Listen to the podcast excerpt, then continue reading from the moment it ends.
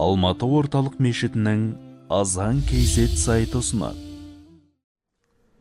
بسم الله الرحمن الرحيم الحمد لله رب العالمين والصلاة والسلام على رسولنا محمد وعلى آله وصحبه أجمعين السلام عليكم ورحمة الله وبركاته құрметті жамағат біз сіздермен пайғамбарымыз мұхаммед мұстафа саллаллаху алейхи уассаламның ғибратты ғұмырына байланысты дәрістер топтамасын өтудеміз. Ең соңғы өткен тақырыбымыз пайғамбарымыз мұхаммед мұстафа саллаллаху алейхи уассаламның алланың дінінде шақырудағы көрген қиыншылықтарын сахабалардың көрген қиыншылықтары туралы айтқан болатынбыз. Бүгінгі тақырыбымыз пайғамбарымыз саллаллаху алейхи уассалам адамдарға дағуатты алланың дініне ашық шақыра бастағаннан кейін мүшриктер белгілі бір айлаға саясатқа көшкен. Бұл істі нені алу үшін алдын тоқтату үшін. Бүгінгі тақырыбымыз сол құрайш мүшриктерінің пайғамбар саллаллаху алейхи уассаламға саяси тұрғыдан жасаған ұсыныстары туралы. Ибн хишам рахимахулла мынандай бір риуаят келтіреді. Ибн хишам деген үлкен ғалым бар. Пайғамбар саллаллаху алейхи уассаламның өмірбаянын алғаш кітапқа түсірген ғалымдардың бірі. Мынандай бір риуаят келтіреді. Мүшриктердің ішіндегі сөзі өтімді беделді отба ибн рабиға деген кісі болған. Отба ибн рабиға.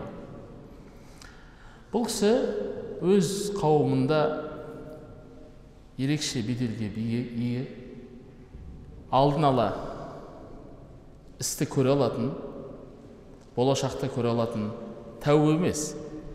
Көреген бұл істің қайда бір кез келген істің соңынан қалай бітетіндігін алдын ала бітіріп біліп отыратын сондай бір өте тәжірибелі көреген кісі болған екен. Бұл кісі құрайыштың жиналатын жеріне келіп бір күні былай деген. Ей құрайыштар ей құрайыш руының адамдары қалай ойлайсыңдар мен мұхаммедке барып сөйлесіп келсем қайтеді мен оған бірнеше істі ұсынайын бәлки ішінен біреуін таңдап алар дейді құрайышта иә бар дейді содан бұл кісі әй айтып тұрған нәрсесі мынау мен барып бір істерді ұсынып көрейін ішінен бәлки біреуін қабыл етіп мына жасап жүрген ісінен не қылар бас тартатын шығар айнып кететін шығар бізге жоламайтын шығар бұдан былай. Мен солай бір ұсыныс жасап келейін дейді. Құрайшықтар иә бар дейді. Барып сөйлесіп қайт дейді сонымен отба пайғамбарымыз саллаллаху алейхи уассалам жанына келіп былай деген. Бауырым мені тыңда. Біз сенің қандай адам екеніңді білеміз. Сен біздің арамызда ерекше рулық тұрғыдан да адамдық тұрғыдан да ерекше орынға иесің. Тектілік тұрғысынан да сенің кім екеніңді білеміз. Және сен біздің рудың ішіне бір үлкен іс әкелдің нәтижесінде сен біздің арамызды бұздың. Біздің рудың бірлігіне нұқсан салдың. Сөйтіп сен ішіміздегі ақылды деп жүргенді ақымақ дедің. Біздің істеп жүрген ісімізді теріс дедің сен менің айтқанымды тыңда. Мен саған біраз нәрсе ұсынып көрейін. Соның ішінен сен кейбірін қабыл ететін шығарсың. Сөйтіп бұл жасап жүрген ісіңнен бас тартатын шығарсың дейді. Пайғамбарымыз саллаллаху алейхи уассалам айтқан екен сен айта бер мен тыңдаймын сонымен бұл бастаған бауырым. Егер сен осы әкелген ісіңнің артында. Осы істі сен бастап жүрсің біздің арамызға алып келдің. Осы істің соңында артында көздегенің дүние мүлік болса қазірден жинап бере салайық.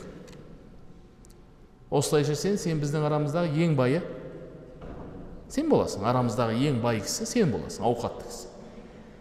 Егер сен осы жасап жүрген іс әрекетің арқылы біздің рудың ішінде қандай да бір абыройға ие боламын десең сені қазір ақ біз мырзамыз қылып абыройлымызды таңдай салайық. Сені мырза қылып сені таңдалған соң ешбір іс әрекетті сенен аттап жасамаймыз. Жоқ егер сен осы іс әрекетіңнің артында бізге патша боламын десең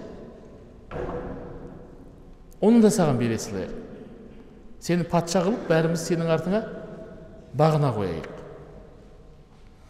Жоқ саған келіп жүрген бір жын болса сенің миыңды ақылыңды алжастырып шатастырып жүрген біреу болса бір жын келіп жүрген болса оны айт керекті абдамын шақыртып саған не қылайық? Оқытып алайық сені саған біреу келіп басқа нәрсе айтқызып жүрсе оны да сені оған керекті қаражатты да төлейік табатын сол сені емдейтін емшіңді де табайық оның керекті қаражатын да не өтеп берейік деген. Пайғамбарымыз саллаллаху алейхи уассалам айтқан ей абул уалид арабтарда білесіздер куньямен сөйлейді. Ей уалидтің әкесі яғни отпа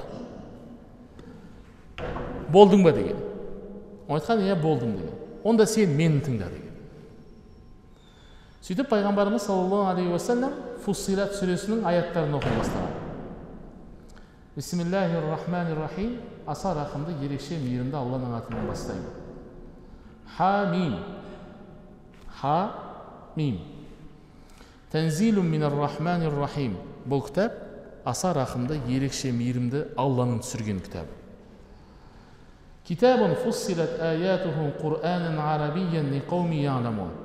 бұл түсінетін білетін қауым үшін ел үшін араб тілінде түсірілген егжейлі тегжейлі түсірілген анық қанық түскен кітап башира назира бұл кітап біреулерге сүйіншілеп келді біреулерге ескерту жасап келді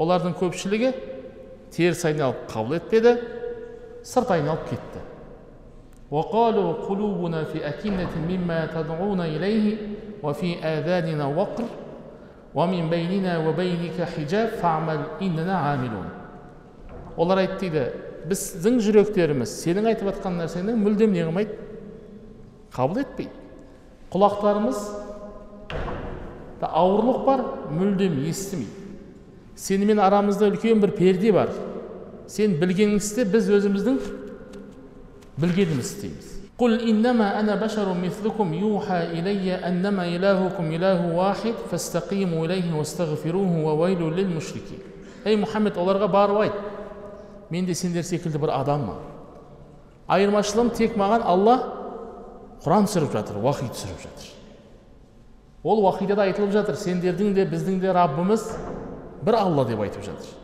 олай болатын болса сол аллаға қарай тура жолға түсіңдер алладан кешірім сұраңдар нағыз азап тозақ мүшриктерге деген аят оқыды дейді аяттарды кейін пайғамбарымыз саллаллаху алейхи уассалам ары қарай оқи берген отпа тыңдап отыра берген сөйтіп фуссилат сүресінің мына бір аятына келген فإن أعرضوا فقل أنذرتكم صاعقة مثل صاعقة عاد وثمود егер олар сені қабыл етпесе сен айт оларға. Ад және самуд қауымдарының басына келген азап сендерге де келеді деп айт. Деген жерге келген кезде отпа пайғамбар саллаллаху алейхи уассаламның аузына қолын қойып жалынып сен екеуміз туысқанбыз ғой деп сол туысқандық ақысына ант ішіп аузын жауып ары қарай оқыма деген. Болды деген осы жерге себеп ар жағында не келе жатыр сол ат және самуд қауымына берген алланың азабы жайында айтылайын деп жатыр. Отпа соны түсіне қойып не деген? Болды жетеді осы жерге дейін деген. Кейін отпа құрайшықтардың арасына қайтып келіп айтқан. Отырып. Аналар бәрі жанына жиналып құрайшықтар сұраған. Артыңда не бар? Арқаңда не бар? Сен қандай хабар алып келе жатсың ол айтқан менің көзқарасым мынандай. Мен сенесіңдер ме өмірімде естімеген бір сөз естідім. Бұндай сөз мен естіген емеспін. Бұл сөз ақынның өлеңіне де ұқсамайды. Сиқыршылардың сиқырына да ұқсамайды. Бұл сәуегейлердің балашатындардың балына да не қылмайды ұқсамайды. Мүлдем бір керемет дүние оқып отыр. Ей құрайш менің сөзімді тыңдаңдар бұл адамға тиіспеңдер бұл адамға жоламаңдар егер менің ойымша бұның баған, бағана маған оқығанында үлкен бір хабар жатыр үлкен бір іс жатыр егер арабтар бұл адамды қабыл етпесе сендердің түптерің де кетпейді арабтар бұның өзін түбіне жетіп тынады. Ал егер жоқ бұл ертең арабтардың бәрін билеп кетсе бұның абыройы сендердің абыройларың мұның абыройы сендердің абыройларың мұның көрген бұның патша болғандығы сендердің патша болғандықтарың. Менің ойымша осылай қалсын деген бас күшті істейді бас керемет істейді. Құрайш не дейді екен сені де құртыпты ғой мынау деген сені де мыналар мынау сені сиқырлап алыпты ғой тілімен сені баурап алыпты ғой ауытпай айтқан бұл менің көзқарасым осылай деген істейсіңдер ме істемейсіңдер ме бірақ менің өзім жеке пікірім осындай бұдан былай ойларыңа келген істеңдер деген мендерге сендерге айтатынымды айттым деген менің пікірім осындай имам табари рахимахулла және ибн кәсир рахимахулла алла екеуін де рахымына бөлесін мынандай бір риуаят келтіреді құрайшықтардың ішінде бір топ адам келген олардың ішінде уәлид ибн мұғира ас ибн уайл деген мүшриктер болған бұлардың бәрі пайғамбар саллаллаху алейхи уассаламға келіп ұсыныс жасаған біз саған дүние мүлік берейік сен не бол біздің ішіміздегі ең бай ауқаттымыз бол осы рудың ішіндегі кез келген байға тимеген қызды көрсет саған соны үйлендірейік. Ең әдемісін. Мынауын алам деп айт біз несін түгел төлеп береміз. Тойын да жасап береміз қалың малын да береміз. Сенен бір ғана шарт сен біздің тәңірлерімізді тіл тигізбе. Біздің жасап жатқан іс әрекеттерімізді діни құлшылықтарымыздың ешқайсысын ақымақтардың ісі деп атама. Пайғамбарымыз саллаллаху алейхи уассалам бұлардың барлығынан бас тартқан кейін бұлар басқа айлаға көшкен онда давай былай істейік деген бір күн сенің құдайыңа құлшылық қыламыз бір күн біздікіне деген бір күн былай істейік бір күн былай істейік деген пайғамбарымыз бұны да қабыл етпеген алла тағала аят түскен кафирун сүресі сіздер барлығыңыз оқып жүрген кафирун сүресі ей кәпірлер деп айт мен сендердің құлшылық қылып жүргендеріңе ешқашан құлшылық қылмаймын сендер де менің құлшылық қылып жүргеніме құлшылық қылмайсыңдар мен ешқашан сендердің құлшылық құлшылық жасағандардан құлшылық жасамаймын сендер де менің құлшылық жасағаныма құлшылық жасамайсыңдар сендердің діндерің өздеріңе менің дінім өзіме деген аят түскен кейін бұл сүре түскеннен кейін де мүшриктер қайта келген құрайш қайта келген құрайш қайта келіп оның ішінде қайтадан сол отба ибн рабиға болған бұлардың барлығы барып пайғамбар саллаллаху алейхи уассаламға көсемдікті ұсынған біздің неміз бол ру көсем бол деген дүние мүлік ұсынған тіпті саған жын соғып кетсе сен жын қағып кетсе сен не қылайық? Емдетейік оған керекті қаражатты да төлейік деген де ұсыныс жасаған. Қайтадан пайғамбарымыз саллаллаху алейхи уассалам айтқан. Сендердің айтып тұрған нәрселерің менің бойымда жоқ. Мен сендерге осы әкелген ісіммен осы әкелген дініммен сендердің араларында абыройлы болайын деген ойым жоқ осы арқылы. Немесе сендердің үстеріңе шығып сендерді билейін деген де ойында жоқ ондай. Бар болғаны алла тағала мені пайғамбар етіп жіберді. Маған кітап түсірді. Және маған сүйіншілеуші жәннатпен тозақтан ескертуші етіп пайғамбар етіп жіберді. Мен сендерге бар болғаны раббымның сендерге берген әмірлерін жеткізушімін сендерге насихат айтушымын. Егер сендер менен мұны қабыл етсеңдер мен әкелгенімді дүниеде де ақыретте де қызығын көресіңдер ал егер жоқ бұны қабыл етпейін десеңдер мен алланың сендермен менің арамдағы іске шешім келгенге дейін сабыр етемін деген олар мүшриктер не деген мынандай нәрсе айтқан сен біздің арамызда жүрген адамсың сен бізді білесің біздің ұсынған нәрселеріміздің ешбірін сен қабыл етпедің. Біздің қандай қиын жерде өмір сүріп жатқанын көріп жатсыңдар таулардың арасында өмір сүріп жатырмыз біздің тұрып жатқан жер ең су жаңбыр түспейтін шөл жер құрғақ жер. Сен раббыңнан сұрашы мына жан жағымыздағы таулардың бәрін алып тастап бір теп тегіс керемет жерде ғұмыр кешейік. Сен раббыңа айт сұра бізге мына нелердің арасынан не ақсын өзендер ақсын шамдағы иракта ағып жатқан өзендер сияқты өзендер ақсын мына меккеден де және біздің бұрынғы өтіп кеткен ата бабаларымызды тірілтсін сенің раббың сұра ішінде біздің үлкен бабамыз бар құсай ибн киләб деген сол тірілтсін сол соны тірілтсін себебі сол дұрыс адам болатын шыншыл адам болатын. Содан сұраймыз. Сол тіріліп келсе содан сұраймыз. Мына мұхаммедтің айтып жүргені рас па өтірік па? Егер сол рас десе сен не қыламыз? Сенің дегеніңді құптаймыз. Одан кейін сұрашы сенің раббың мына жерде не шығарсын? Сарайлар салсын. Сарайлар пайда болсын. Раббыңнан сұра. Мұнда не ақсын? Мына бау бақшалар болсын. Мына жақта алтын күмістен үйіліп жатқан қазыналар жатсын. Егер сен бұның барлығын істесең біздің сұрағанымызды біз сенің алланың құзырында қандай абыройың бар екендігін білетін боламыз. Және сенің шынымен сен өзің айтып тұрғандай пайғамбар ретінде жібергендігін мойындаймыз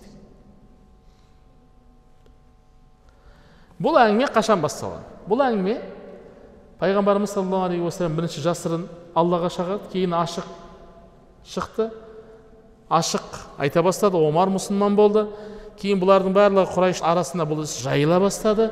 Кейбіреулер мұсылмандардың саны көбейген соң бұлар не қыла бастады? Осындай саясат жаса бастаған. Бұның артында не бар? Мұхаммед бұны бекер істеп жүрген жоқ.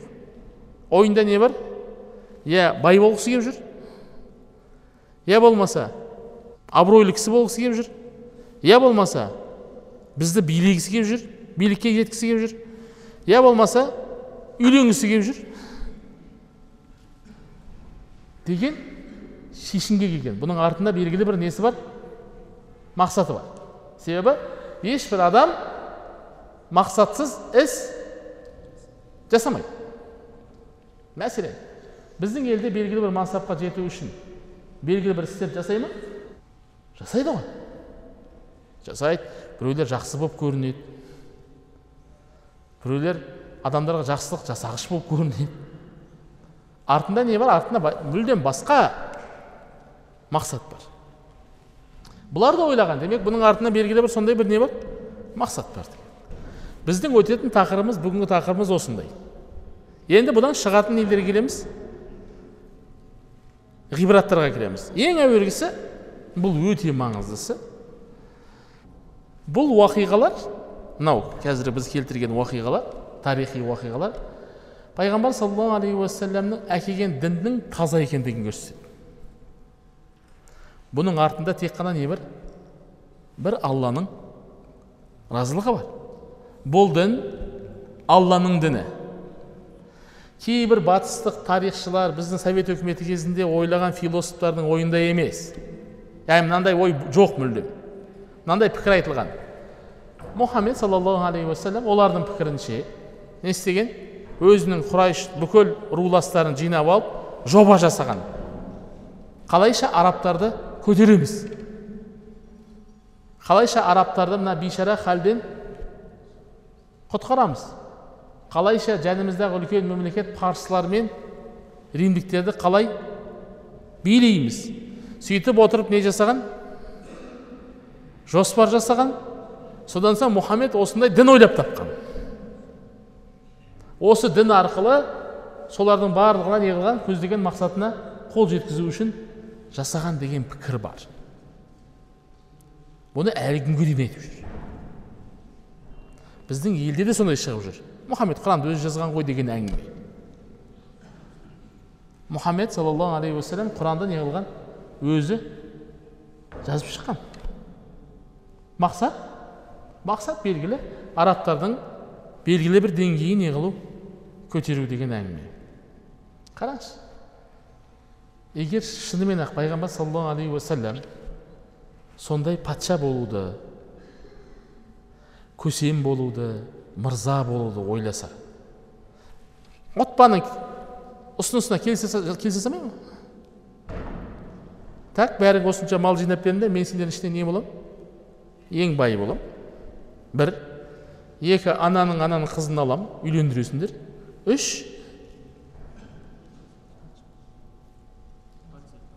иә мен сендерді билеймін. Егер көздеген мақсат болса мысалы сіздің қолыңызда ондай мүмкіндік болса сіз келісесіз ғой. Келісесіз. Отбаның жасаған ұсыныстары мен пайғамбар саллаллаху алейхи уассаламның берген жауаптарының арасында мүлдем не келмейді бір біріне мүлдем келмейді бір біріне теріс мүлдем. Бұлардың ешбірі не қылмаймын деген мен қабыл етпеймін деген. Бұл бір. Екіншіден пайғамбар саллаллаху алейхи уассалам қандай ғұмыр кешті? А?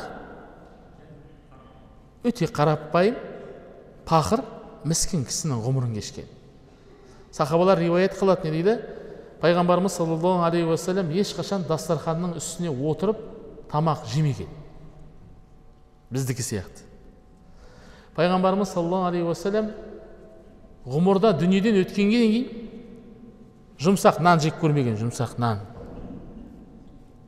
нан жеп көрмеген қазір мен сізге айтсам не секілді бір қиял әңгіме айтып отқан сияқтымын қой дейтіндер мүмкін нан жоқ па не деп жоқ нан ойлауы мүмкін ет жоқ па не жоқ ет қазір айтсаң не сәл неге сыймайды мынау біздің ақылға сыймайды кейбір риуаяттар пайғамбар саллаллаху алейхи уассаламның үйі бірнеше күн бойы үйінен түтін шықпайтын дейді түтін шықпайды деген сөз не қазан ол үйде қазан асылмайды оттың үстіне қазан тұрмайды деген сөз демек не жоқ деген сөз? Тамақ жоқ ас жоқ. Айша радиаллаху анха айтады менің кей бәленше күн бойы дейді кейбір кездер анау сөремнің үстінде кішкентай бір арпа болатын дейді. Бір екі дән жатады одан басқа не жоқ? Тіске басар ештеңе жоқ. Киген киімі сүрген ғұмыры жеген тамағы пайғамбар саллаллаху алейхи уассаламның мүлдем патша болуға көсем болуға бай болуға ешқашан құмартпағандығын көрсетеді солай ма мәселен пайғамбарымыз саллаллаху алейхи уассалам жастығы қалай болды жастығы оқып көрдіңіз ба құрмадан болған құрманың талшықтарынан жасалған ұйықтаған кезде несі қалатын болған бетінде ізі қалатын болған өзіңіз ойлаңыз бәленше сахабасы бар артында егер мен дұрыс ғұмыр кешем десе бір ақ ауыз сөз. Бір ақ ауыз сөз. Мен осылай өмір сүргім келеді десе сахабалар нан жемеуі мүмкін а? Соңғы тиынын беруі мүмкін бірақ пайғамбар саллаллаху жағдайын жасар еді ғой.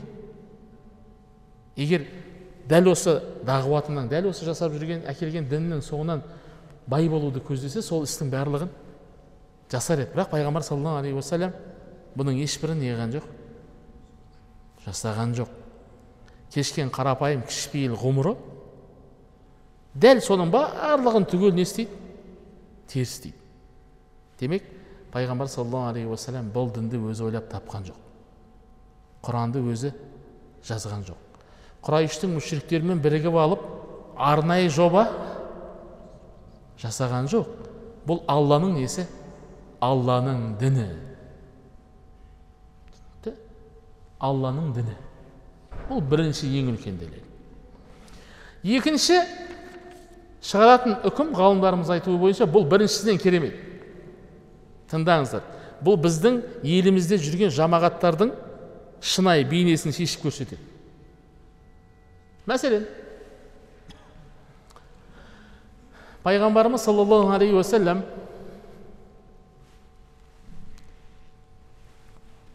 мырза болам деді ма мырза қылайық дегенде? Жоқ деді көсем боласың ба деді? Болмаймын деді жақсы сен біздің неміз бол деді. Патшамыз бол деді. Оны да не қылмады қабыл етпеді. Сен біздің арамыздағы ең бай адам бол ақша жинап берейік деді. Дүние мүлік жинап оған да не қылмады қабыл етпеді. Қараңыз. Бұл мынаны көрсетеді. Алланың дінін жеткізу үшін алланың дінін мақсат алланың дінін жеткізу. Оған жеткізетін нелер бар? А? Әдіс тәсілдер бар. Әдіс тәсілің де мақсатың да көздеген мақсатың шариғатқа сай келу керек. Түсіндіңіз ба? Екеуі сай келген уақытта ғана бұл дін жүреді біздің елде басқа да елде мынандай жамағаттар көп.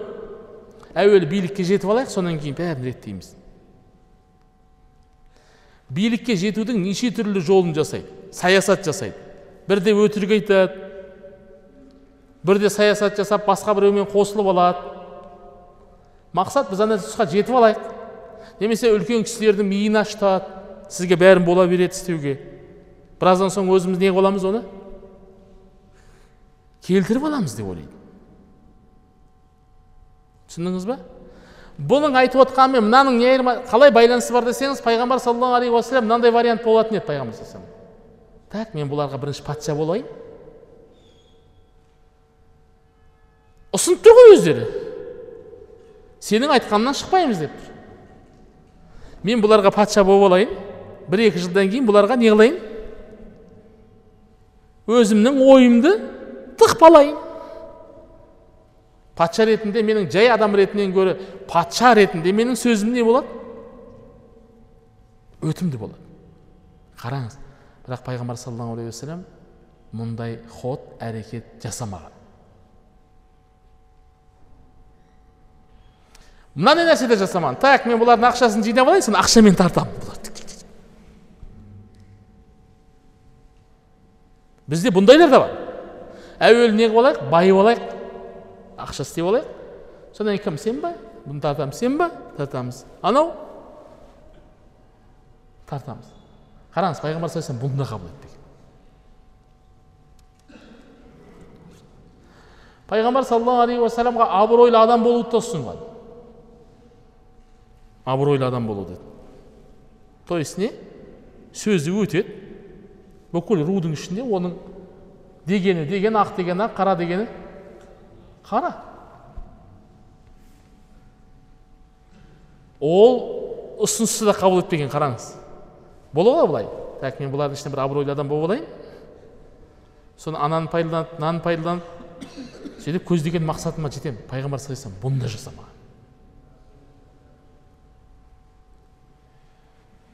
Дәлел бұл жердегі ең үлкен дәлел есіңізде болсын.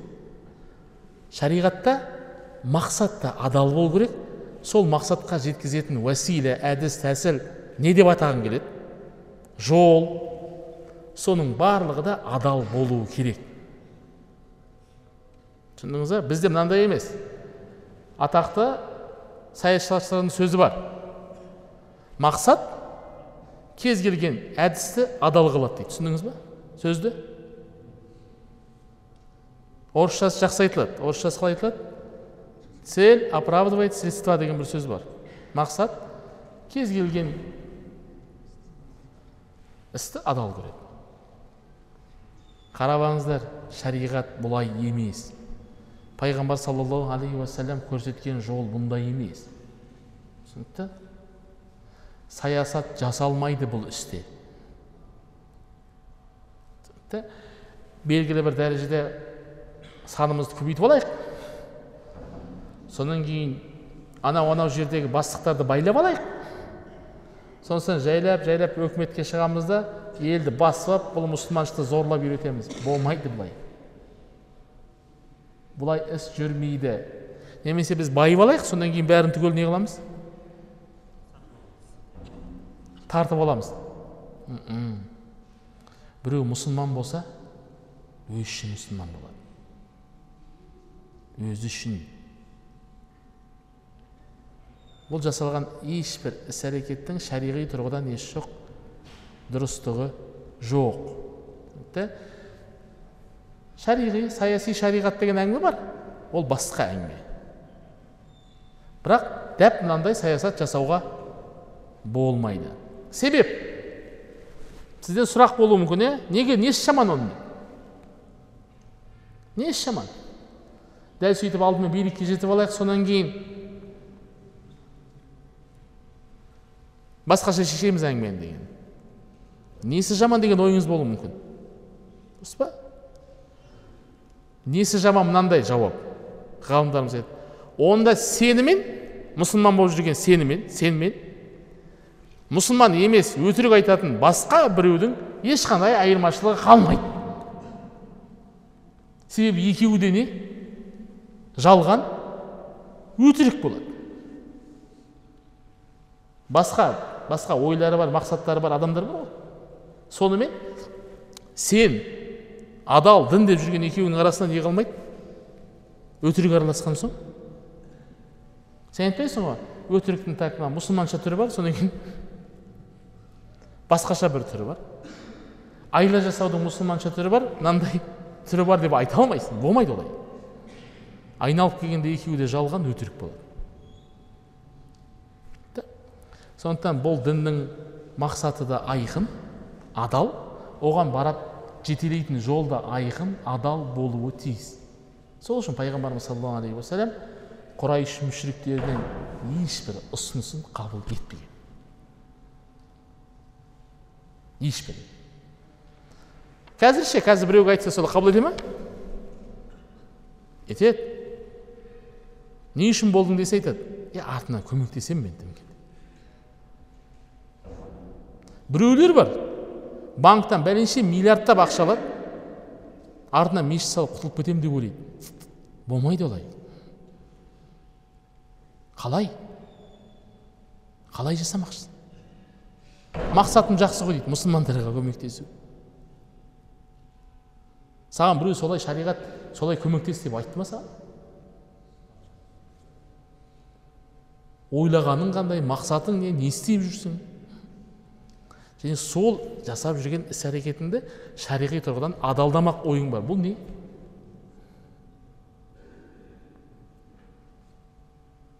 Бұл біздің әлем мұсылман әлемінде жүрген біраз жамағаттың несін түсіреді бетіндегі маскасын түсіреді. Шынымен солай ма? Сол үшін біз сіздермен пайғамбар саллаллаху алейhi дәрісін өтудеміз. Сира сол үшін маңызды. Жай газ беретін уағыздар емес. Арасында не бар? Арасында үлкен парық бар. Бұл дінді пайғамбарымыз саллаллаху алейхи уассалам ұқсап ешкім жеткізе алмаған ең керемет жеткізген расулуллах саллаллаху алейхи уассалам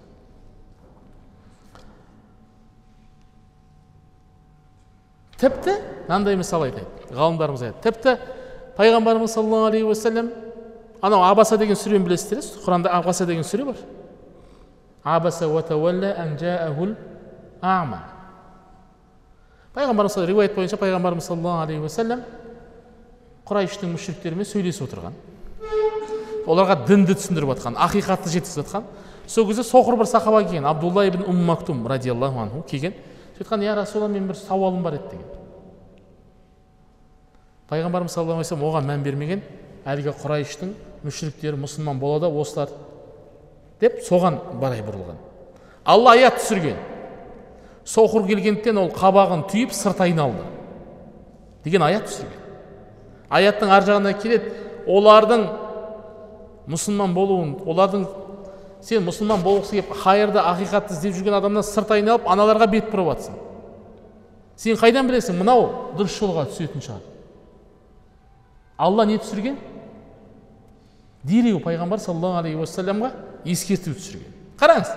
Мүшіріктерді дінге шақыру шариғи тұрғыдан дұрыс іс па? Харам іс жасап жатқан жоқ қой не істеп жатыр адамдарды дінге тартып жатыр бірақ мұнда бір мұсылман маған да көңіл бөлші деп жатыр қараңыз алла пайғамбар саллаллаху алейхи уассалам мақсаты дұрыс болса да мыналар дінге шақыру. Сенің пайғамбар саллаллаху алейhi иштихат жасаған. Не деген мынадан көріп мыналарға айтайыншы деп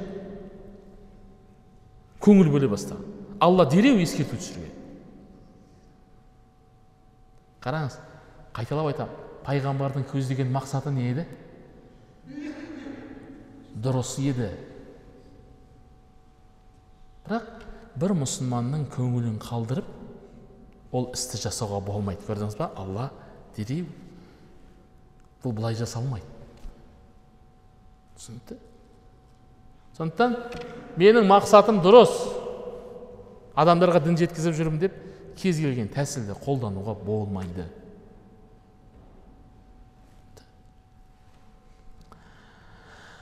Демек бұл мынандай нәрсе. Ешкімнің ешқандай алланың шариғатын өзгертуге құқығы жоқ. Мақсатың не десе алланың дінін ұлықтау шариғатты жеткізу ислам дінін адамдарға жеткізу. Сондықтан мен осындай істі жасап жүрмін деп ешкім шариғаттың бұзуға ақысы жоқ. Және оның жасап жүрген іс әрекеті де дұрыс болмайды шариғи тұрғыдан себеп пайғамбар саллаллаху алейхи уассалам бізге бұл дінді қалай жеткізу керек екендігін нақты көрсеткен. Бұл дінді жеткізу немен болады? Жанқиярлықпен болады. Бұл дінді үйрету еңбекпен болады. Мына нелер емес төте жолдарды қолданып бай болайық содан бүйтеміз. Немесе билікке жетіп алайық содан сөйтеміз емес. Бұл түсінсе бұл дінді түсіндірілсе ақиқатында қалай болды солай түсіндірілуі керек. Сол үшін біреулер өзінің мақсаты үшін дінді саясиландырып жүрген. Ондай әңгіме бар ма? Бар. Өзің таң қаласың аналарды тыңдаған кезде. Аят келтіргенде хадис келтіргенде шынымен солай ма деп ойлайсың бірақ бүкіл бұның барлығын дұрыс қанын көрсететін пайғамбар саллаллаху алейхи уассаламның өмірі. Көрдіңіз бе? Қалай көрсетеді пайғамбар саллаллаху алейhi өзіне жасалған ұсыныстардың ешбірін қабыл етпеген. Хотя оларды пайдаланса жылдамырақ жетуге болады. Мақсатқа. Үшінші шығатын дәлел бұл біздің әлгі келтірген тарихи уақиғалардан құрайш не айтты? Онда сен біздің айтқанымызға көнбесең онда мынау тауды не қылып жүр? Тегістеп жүр. Мұнда нелер ақсын? Өзендер ақсын. Мұнда бау болсын. Ана бәленше деген өлген бабамыз тіріліп келсін. Содан сұрайық. Мынаның мұхаммедтің айтып жүргені рас па? Өтірік па? Егер рас десе сенің дегеніңе көне қояйық деп ұсыныс жасаған болатын пайғамбар саллаллаху алейхи уассалам олардың жасаған ұсыныстарын қабыл етпеген. Біреулердің ойына келуі мүмкін. Пайғамбар саллаллаху алейхи уассаламға құраннан басқа мұғжиза түспеген. Сондықтан олардың қойған ұсыныс талаптарын не қабыл етпеген деген ойда келуі мүмкін. Алла тағаланың құрайыштың сұрағанын беруге құдіреті жетеді. Бірақ алла тағала құрайыштықтардың ішкі жан дүниесіндегі жүрегіндегіні білгендіктен олардың сұрағанын бермеген. Себеп олардың сұрағанын берген күннің өзінде олар не болмайды? Аллаға иман келтірген мұсылман болмайды. Мәселен тәббат сүресі. Бәріңіз білесіздер иә пайғамбар саллаллаху алейhi таудың төбенің басына шығып сафа төбесіне шығып не деген дінге шақырған әбу лахаб та келіп сен бізді осы үшін шақырдың ғой құрып кет деген соны алла тәббат деген не түсірген сүре түсірген иә қараңызшы тәббат сүресі алдын ала түскен әбу лахаб өледі ол не тозақтық оның әйелді отын арқалап тозаққа кіреді деген қараңызшы әбу лахаб былай айтуға болады үш күннен кейін мұсылманмын деп өтірік айтуына болады? түсіндіңіз ба? сүре түсіп қойған. сүре түсіп қойғаннан кейін бір аптадан кейін айтса бар. Мұхаммедке келіп я расулалла сен мұсылман болдың мен мұмин келтірдім десе ана сүренің несі қалады? Несі қалмайды? Мәні қалмайды. Өтірік сияқты болып қалады. Бірақ алла білген абу ләхаб өліп кетсе де сол күпірлігінен айнымайды. Алдын ала айтылып қойған ол тозаққа кіреді деп және солай болған да. Мысалы сен жайында бір нәрсе айтсам сен ертесін айнып кетуің мүмкін ондай емеспін деп солай ма? Бірақ қараңыз алла тағала оның абу ләхабтың соңының немен бітетіндігін білген. Және сол білетіндігін алдын ала хабар беріп қойған. Ол солай болады оның соңы солай бітеді. Дәл мұнда да сондай. Құрайшықтардың сұраған бермеген. Себебі берген күннің өзінде бұлар не қылмайды? Сенбейді көзіміз сиқырланып қалды. Мынау бізді алдады магия жасап отыр үйтіп отыр бүйтіп отыр деп басқа нәрсені айтады. Болған күннің өзінде. Сол үшін алла тағала олардың сұрағын бермеген. Ал егер жоқ олар иман келтіруінен сәл ғана үміт болатын болса пайғамбардың сұрағанын олардан сұраған алла не қылар еді? Берер еді. Мәселен құран кәрімде көп иса алейхисалам жанындағы ерген адамдар не деген бір аспаннан дастархан түссінші деген дастархан түсті себебі олар бар болған не қылды иманын арттыру үшін болған еді ибраһим алейхисалам не қылды бір қалай өлгенді тірілтесің бір көрсетші деді алла да ибраһимге не қыл деді алда төрт құсты ал да не қыл сойып етін бөлшектеп тастап бір біріне араластыр кейін әрбір төбенің басынан шақыр олар саған қайтып ұшып келіп не болады деген қайтадан жанды болып келеді деген шынымен солай болған сұрағанын алла берген себебі алла тағала жүректерде не жататындығын білуші иман ба күпірлік па түгел барлығын білуші құрайыштардың жүрегінде күпірлік болғандықтан және ол тіпті сұраған нәрселерінің болған күннің өзінде иман келтірмейтіндігін білгендіктен алла олардың сұрағанын бермеген. Бұл мына нәрсені тудырмайды. Пайғамбар саллаллаху алейхи уассаламның құраннан басқа мұғжизасы болмаған деген көзқарасты тудырмайды. Себебі біреулер солай айтып жүр. Пайғамбар саллаллаху алейхи уассаламның құраннан басқа несі жоқ деп? Мұғжизасы жоқ деп. Пайғамбар саллаллаху алейхи уассаламның құраннан басқа мұғжизалары да болған. Мәселен саусақтарының арасынан не аққан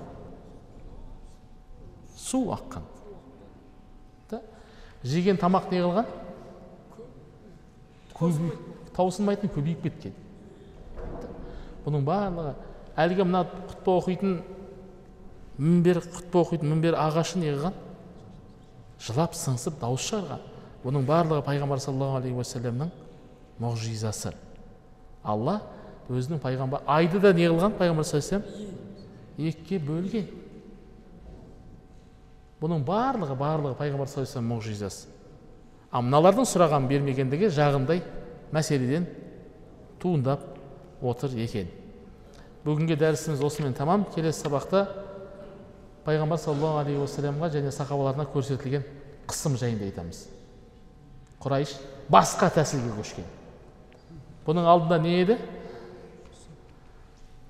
саясат ананы ұсынды мынаны ұсынды енді бұдан кейін саясатқа көнбеген соң бұлар ашық неге шыққан ашық іске кіріскен келесі тақырыбымыз сол жайында болады ربنا آتنا في الدنيا حسنة وفي الآخرة حسنة وقنا عذاب النار ربنا افرغ علينا صبرا وثبت أقدامنا وانصرنا على القوم الكافرين آمين آمين الله أكبر